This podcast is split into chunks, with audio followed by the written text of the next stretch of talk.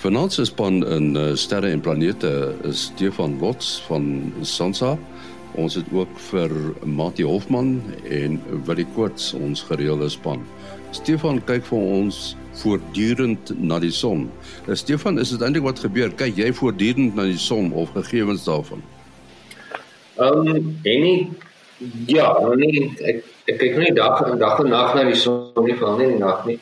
Ehm um, ek hou maar dop wanneer ek hou ons instrumente dop hier op Hermanus en en wat ons nou in die in Antarktika en op die eilande het en um, elders in die, in die op die kontinent en dan sien ons nou maar dinge aankom soos ons na die sonwinddata kyk, soos ons na die magnetometers kyk.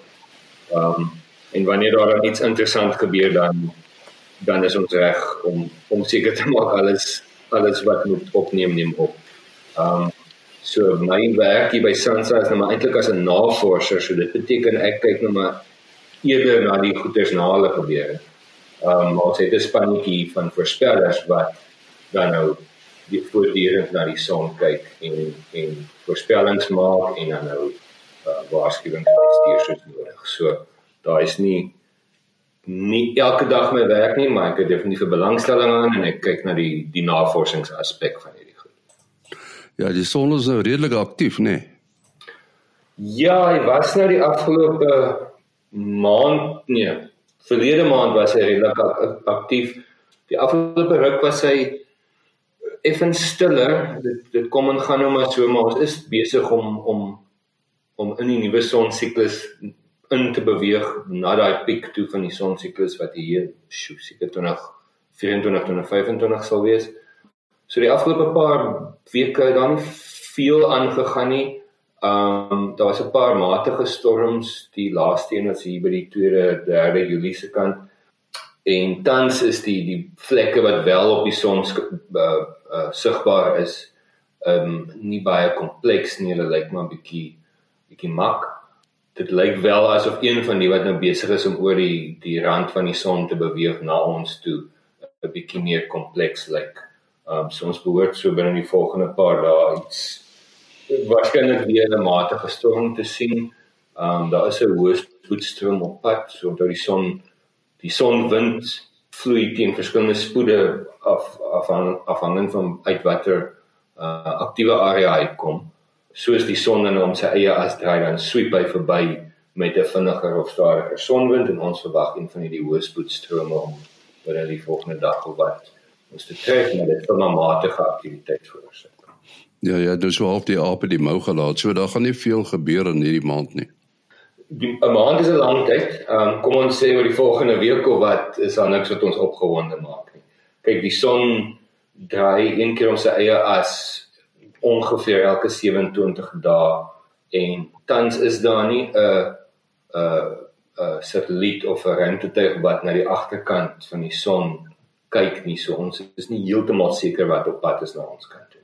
So wat ons nou kan sien hier by Santa is so seker die volgende wat, wat op pad is die volgende 2 weke of 10 dae of so. Um en verder as dit is ons eintlik 'n bietjie blind. Uh Stefan, ek uh, wonder nou net vir 'n oomblik, uh die mense wat nou kyk na die oscillasies op die son se oppervlak uh wys mos na astroseismologie. Hmm. Ehm um, helioseismologie as jy net na die son kyk. Ja, ja, ja, helioseismologie. Hmm. Uh as daar nou 'n geweldige uitbarsting aan die agterkant van die son is, dan trek dan dan mos skokgolwe deur die son hmm. uh, wat in beginsel sekere impak sal hê ook aan die teenoorgestelde kant van die son. Ek wonder nou net oor hoe lank daar hoe vinnig daai skokgolwe deur die son beweeg want die son is mos nou groot dit 'n goeie 1,4 hmm. miljoen kilometer in deursnee so dit is seker iets wat eers baie ure of is dit dae na die tyd uh aan die teenoorgestelde kant sigbaar sal wees indien jy nou fyn genoeg dit uh, sou waarneem. Jy vra my nou eintlik vas. Ja, ek kan nie dink dat die spoed van die skokgolwe kry die son se gemiddelde digtheid is mos mos nie so hoog nie. So ek kan nie dink dat dit verskriklike vinnige jou limiet is uit die spoed van lig en aan die ander kant jou stadige limiet sal dan nou my idee is dat dit my raaiskoot sou wees dat dit 'n 'n 'n paar ure sou wees, maar nie veel ja, veel stadiger dit. Ja, wat die ruimte betref, uh, moet ons bereid wees om te kan sê ek weet nie. Jy vra my vas, ek sal uit ek sal uitvind. Ek sal Jy weet jy, jy uh, ek gaan nou dalk 'n dom vraag vra. Jy weet hoe jy nou sê die son draai eenmal elke 27 dae om sy as. Die vraag is hoekom draai die son? Want ons weet nou die planete draai om die son. Maar hoekom draai die son? Ehm um, hoekom draai die aarde om sy eie as? Ja, ons weet dit, maar maar die son is mos nou nie 'n planeet nie. Ek ek moet weer sê ek weet nie hoekom die son eie as draai nie. Dit is nie maar uh, ons weet hoekom hy aanhou draai. Vermoed dit is maar die oerdraai momentum van die skuif van materie waaruit die sonnestelsel ontstaan het. So dis hoekom alles in dieselfde rigting draai. Ja. Maar dan kan jy nou net so vra hoekom daardie oer uh wolk uh, gedraai.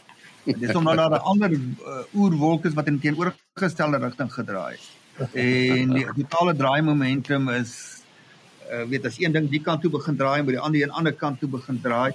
Uh so maar dit kan in elk geval teruggevolg word na die oerrotasie van die materie waaruit die hele sonnestelsel uh uh vorm het.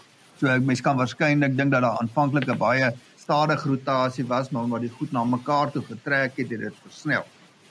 Ja, die dieselfde hoe, hoe die ballerina as sy haar arms uittrek dan draai sy vinniger. Ja. Ja, eintlik ek dink in in die in die heelal uh, uh, in in in selfs in die algemene uh lewe die kanse dat iets heeltemal gaan stil staan is amper meer raar as wat goeders beweeg. En as jy nou net dink aan 'n bad se water, nou ja, ons gaan nou nie hierdie Coriolis effek die noordelike halfrond die kant doen, suidelike halfrond daai kant doen. Want die effek is eintlik te klein, maar dis 'n storie vir 'n ander dag. Maar ehm uh, as jy nou net dink aan as jy ehm uh, as jy 'n uh, uh, uh, wasbak het in die skool goed gewas en jy trek die prop uit, ehm um, daar's altyd beweging op 'n kol draai die water na een of ander kant toe afhangende van hoeveel uh aan, aan watter kant het jy laaste 'n bietjie geslos hierdie kant of daardie kant. So ek dink dit is maar seker dieselfde in die, in die ruimte jy sê hierdie oerwolk. Ek het nou net gou opgesoek. Ehm um, dit lyk my ja, dis maar 'n uh, uh, bewaring van van hy van hy hoekmomente. Ek sou nou dink uh, wil ek kyk so aanvanklik uh, die was die heelal homogeen. Uh of al die aanduidings is uh, is so en daarin kan jy nou nie mense nou nie eintlik voorstel hoekom daar nou uh vreeslike rotasie sal begin nie want die totale draai momentum um, moet behoue bly. Hoekom sal een ding nou in een rigting begin draai en 'n ander ding in 'n ander rigting? Uh maar as mens nou in gedagte hou dat nou in 'n uh in homogeniteite ontwikkel, soos wat die uh, die die kosmiese agtergrondstraling daardie variasies aandui, die oerfluktuasies wat daar was. En as dit nou eers daar is en jy kry dan nou iets soos 'n supernova wat skokgolwe uit uitstuur. Ek weet dan is daar nou nie meer mooi simmetrie en so aan nie en daai skokgolwe kan sekerlik goed aan die roteer sit.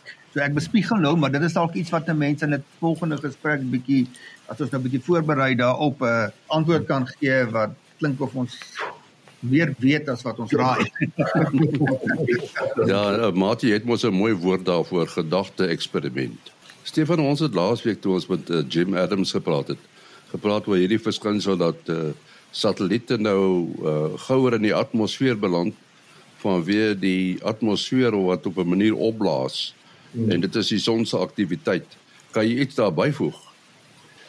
Ehm um, ja, kyk so die wanneer jy dan nou uitbarstings van die son se kant af kom en daar's 'n interaksie tussen die die ehm um, sonwind wat nou wat nou die plasma dra en die magnetosfeer en dan verder af die ionosfeer en dan nader aan die aarde dan die atmosfeer dan daai koppelvlakke tussen hierdie verskillende plasmas en gasse veroorsaak dan nou uh, daar's da interaksie tussen.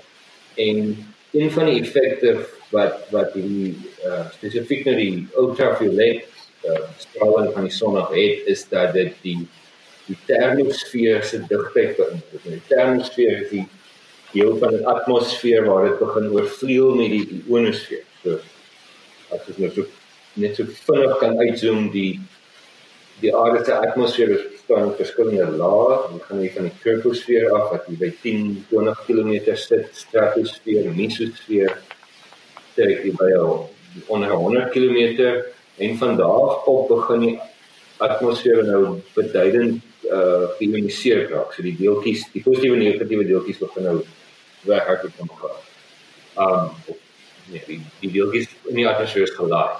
Um en daai deel daai oorvloeding in ons dan in die termosfeer. Um hierdie deel van die van die atmosfeer of die lugruim dan nou is waar satelliete wat tipies lae wentelbaan met 'n LEO low earth orbiting so lae aard wentelbaan satelliete um waar hulle tipies vlieg en wanneer daar nou 'n 'n sonvakkel of 'n massa-uitbarsting is en daar's UV-straling van die meer wat gewoonlik die weerstraling van die son afkom, dan beïnvloed die digtheid van die termosfeer en hierdie satelliet wat nou deur die termosfeer vlieg, ehm um, voel dan nou meer uh sleer of drag vir die petrolkoppe.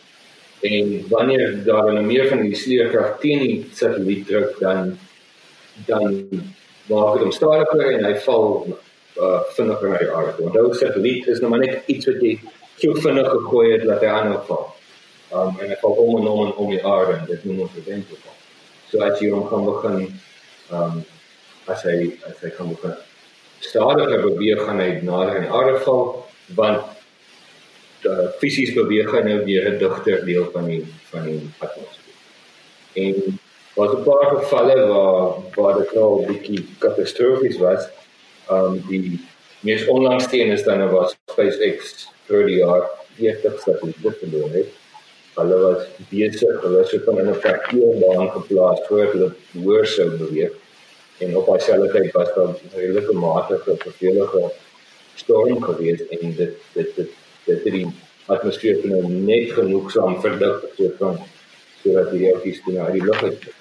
Daar's 'n paar ander gevalle, die swarm konstellasie van die Europese ruimteagentskap, hulle hulle hou hierdie goed spesifiek dop en hulle sukkel vreeslik om om nou in die nuwe son siklus eintlik in die lug te bly. Ehm um, en daar is satelliet ja, hulle hulle het baie keer 'n bietjie 'n bietjie ekstra brandstof wat wat hulle kan gebruik om weer hoër om om hulle hoogte weer aan te pas. En soos die satelliete ouer raak, hulle brandstof op en kan uh wil jy dit sluit eintlik 'n bietjie aan met wat uh, Stefan nou net gesê het. En ek dink ons het daaraan geraak verlede week. Hierdie vraagie van John van Bonnievale. Hy vra hoe word die uh, hoogte van uh, die ruimtestasie uh, beheer? Uh, is waarskynlik steammotors, né? Nee? Uh dis korrek. Ja, ja, so hy vra spesifiek hierdie raise the altitude, as ons sien verlede week wat ons gepraat het, hoe hoe hoe werk dit presies?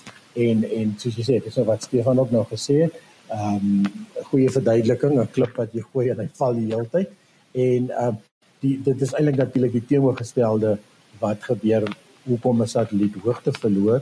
Uh wat Stefan nou mooi verduidelik het, hy begin die begin in die dag digter dele van die atmosfeer in te beweeg, spoed verloor. So om om dan 'n satelliet weer hoër te kry, moet jy hom net vinniger maak. So jy moet vir hom 'n bietjie voorwaartse spoed uh, gee So daai um, analogie van Stefan van jy moet hom nou jy moet hom nou weer jy moet hom nou weer gooi of jy moet hom met 'n raket land van agter af om om om uh, uh, meer voorwaartse spoed te gee en dan uh, en dan gaan sy baan outomaties hoër. En en dit is dan uh, presies die probleem wat jy hierso het met uh, met satelliete wat nou wat nou hulle spoed begin verloor. En uh, ja, so Stefan het nou gesê jou jou satelliete wat die laagste is word die meeste beïnvloed en dan natuurlik ook jou satelliete wat groot areas het, groot sonpanele en sulke klas van goed wat dan wat dan meer sleer uh veroorsaak. Ja, en dan en dan uh um, SpaceX het nou nogal jy na hierdie 40 satelliete wat hulle verloor het, het hulle nou um uh eintlik is amper daar 'n navorsingsprojek geraak om um, om hoe meer datapunte jy het in in enige eksperiment hoe hoe hoe, hoe beter jou antwoorde en en dit is presies wat hulle nou doen uh, SpaceX het het al amper 1500 satelliete in 'n wentelbaan. Nou ja, as hulle op hulle hoogste baan is dan hulle 550 km wat nie so geaffekteer word nie. Maar terwyl na die satelliete gelanseer is, is hulle maar iets net so oor die 300 km bo kan die atmosfeer. En dit was juis in daai geval wat hulle die vliegtuig verloor het. Um so hulle het heelwat inligting wat hulle dan kan deurgee sodat hulle baie beter die atmosfeer kan modelleer. Ehm uh, maar die atmosfeer is 'n dinamiese ding ongelukkig. So ehm uh, so maar, maar nog nog dan hoe meer data jy het hoe hoe, hoe, hoe beter kan jy jou modelle maak.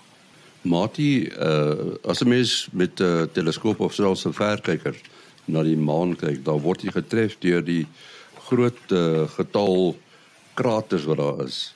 Nou nou sien ek dat NASA het gesien dat daar uh, impakkraters op die maan is wat deur die Chinese vuurpyle veroorsaak is.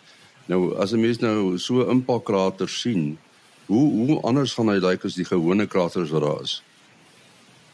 Uh nee, ja, hy gaan nie anders lyk nie. Jy gaan net weet uh uit jou fotografiese uh database van 'n bepaalde gebied uh dat daar nuwe kraters verskyn het. As jy nou 'n foto neem uh voor en na, dan kan jy sien dat nuwe kraters uh bygekom. Nou hierdie bepaalde kraters waarna jy verwys is aan die agterkant van die maan. Uh so dit sou in elk geval nie van die aarde af gesien kan word as gevolg van daai rede nie, maar dan is dit ook heeltemal te klein. Met 'n teleskoop van die aarde af, weens die effek van die aarde uh, van die atmosfeer, uh sal mens nie eintlik 'n krater kleiner as 'n kilometer en deursnee werklik goed kan sien. Jy sal miskien net so dobbel kolletjies sien. Ehm uh, maar in hierdie geval is die foto geneem deur die Lunar Reconnaissance Orbiter en dit was op 21 Mei 2022 en daar was spesifieke foto geneem omdat daar voorspel was dat 'n voorwerp wat in uh, ontdek is meer as 7 jaar gelede, net meer as 7 jaar gelede, uh deur die uh uh in waar dit sê 14 Maart 2015 deur die Catalina Sky Survey uh wat nou maar kyk na om nuwe asteroïdes uh te ontdek.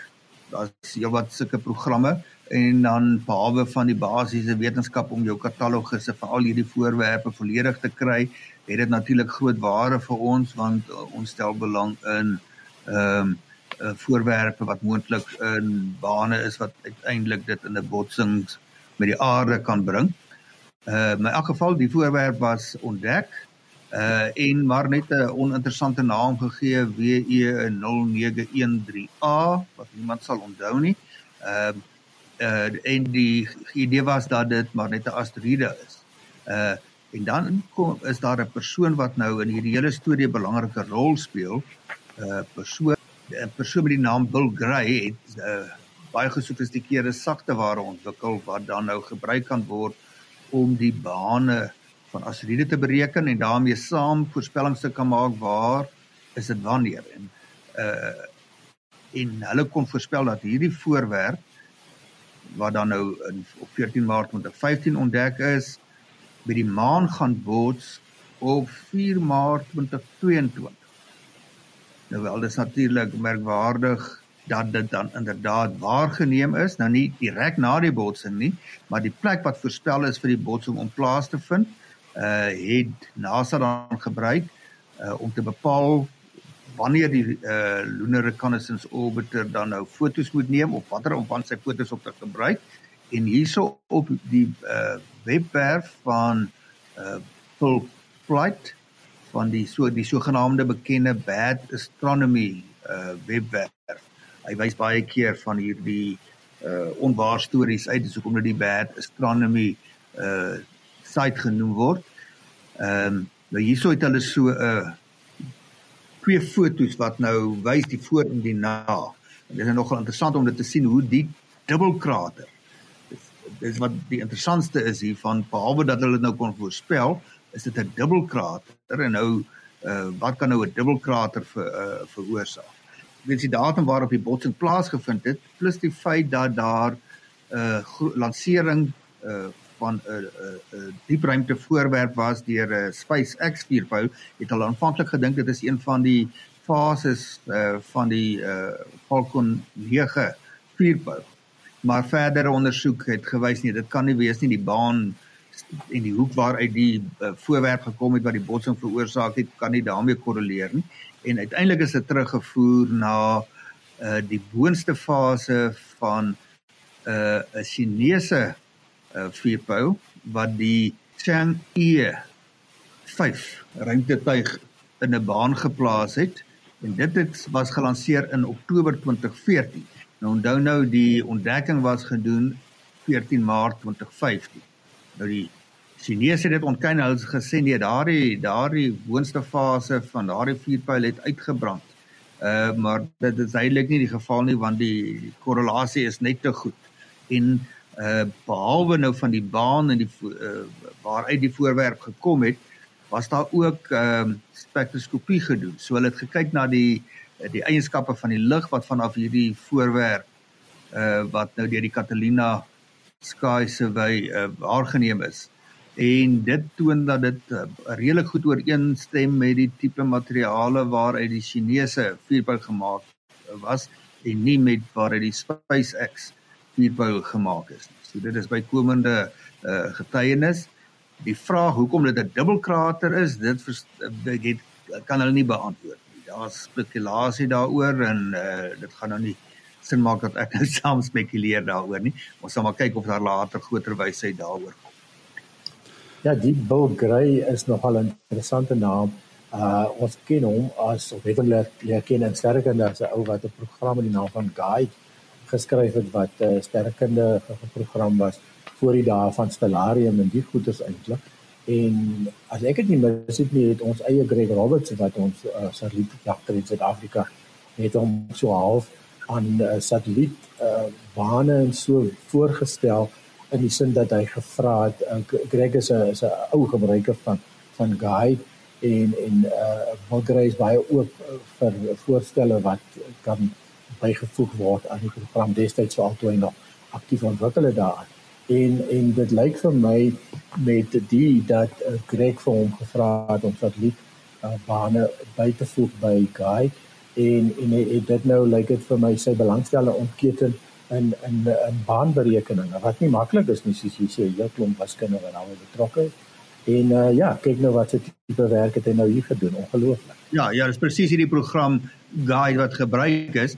Nou die rede hoekom dit nou vir asteroïde moeiliker sou wees as byvoorbeeld vir die planete is die asteroïde beweeg hier in 'n omgewing uh waar dit baie meer beïnvloed word deur uh die aantrekkingskrag van uh van Jupiter en van Mars uh en hierdie bepaalde uh voorwerp wat nou hier ter sprake was het nie, nie nog net daardie aantrekkingskrag nie dis nog 'n omgewing naby die aarde en die maan ook gewees So jy het baie verskillende liggame se gravitasiekrag wat jy in ag moet neem om 'n baanberekenings tot so akkuraatheid kan doen dat jy kan gaan voorspel uh, lank voor die tyd dat op 'n bepaalde datum gaan dit daai voorwerp op 'n bepaalde plek op die maan bots en dit word dan inderdaad so waargeneem. Al wat nie verstaan word nie is hoekom dit 'n dubbelkrater is sou daardie fase van die vuurpyl nou kom verdubbel. Jy moet nou dink aan die anatomie van so 'n uh, so 'n uh, boonste fase van 'n vuurpyl. Uh jy het nou die die motore wat baie swaar is en dan jy die lang silindriesvormige uh brandstoftank wat leeg is. Wat nie mense nou nie eintlik sal dink noemenswaardig sal bydra tot 'n krater nie. Ja. Uh maar hoe so 'n voorwerp nou 'n dubbelkrater kan veroorsaak, uh dit is nie so maklik om te kan verklaar nie. Ja, ons moet afsluit. Uh, net voor ek uh, totsiens sê, wil ek net uh, sê dat ons uh, van heelwat luisteraars vrae gekry het oor hoekom uh, sterre en planete nie op 'n uh, uh, audiovisuele platform nie. En dit is nou 'n uh, idee wat ons al lank al mee speel. En uh, ons het nou die eerste een saamgestel en ons doen dit op hierdie manier dat ons eers elke span dit se se werk en leef wêreld voorstel.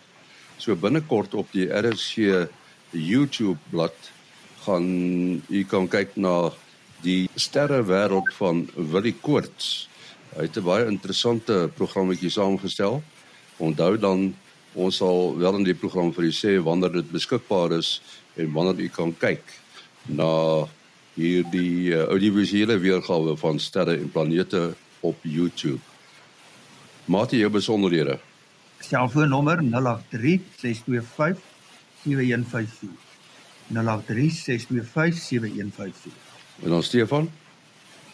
Uh e-pos by slots slotz by sansa.org.za.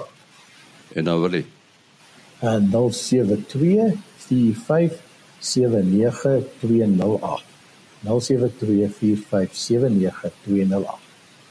En dan ouer gewoonte die program se e-pos is sterreplanete@gmail.com. sterreplanete@gmail.com. Tot volgende week. Alles van die beste.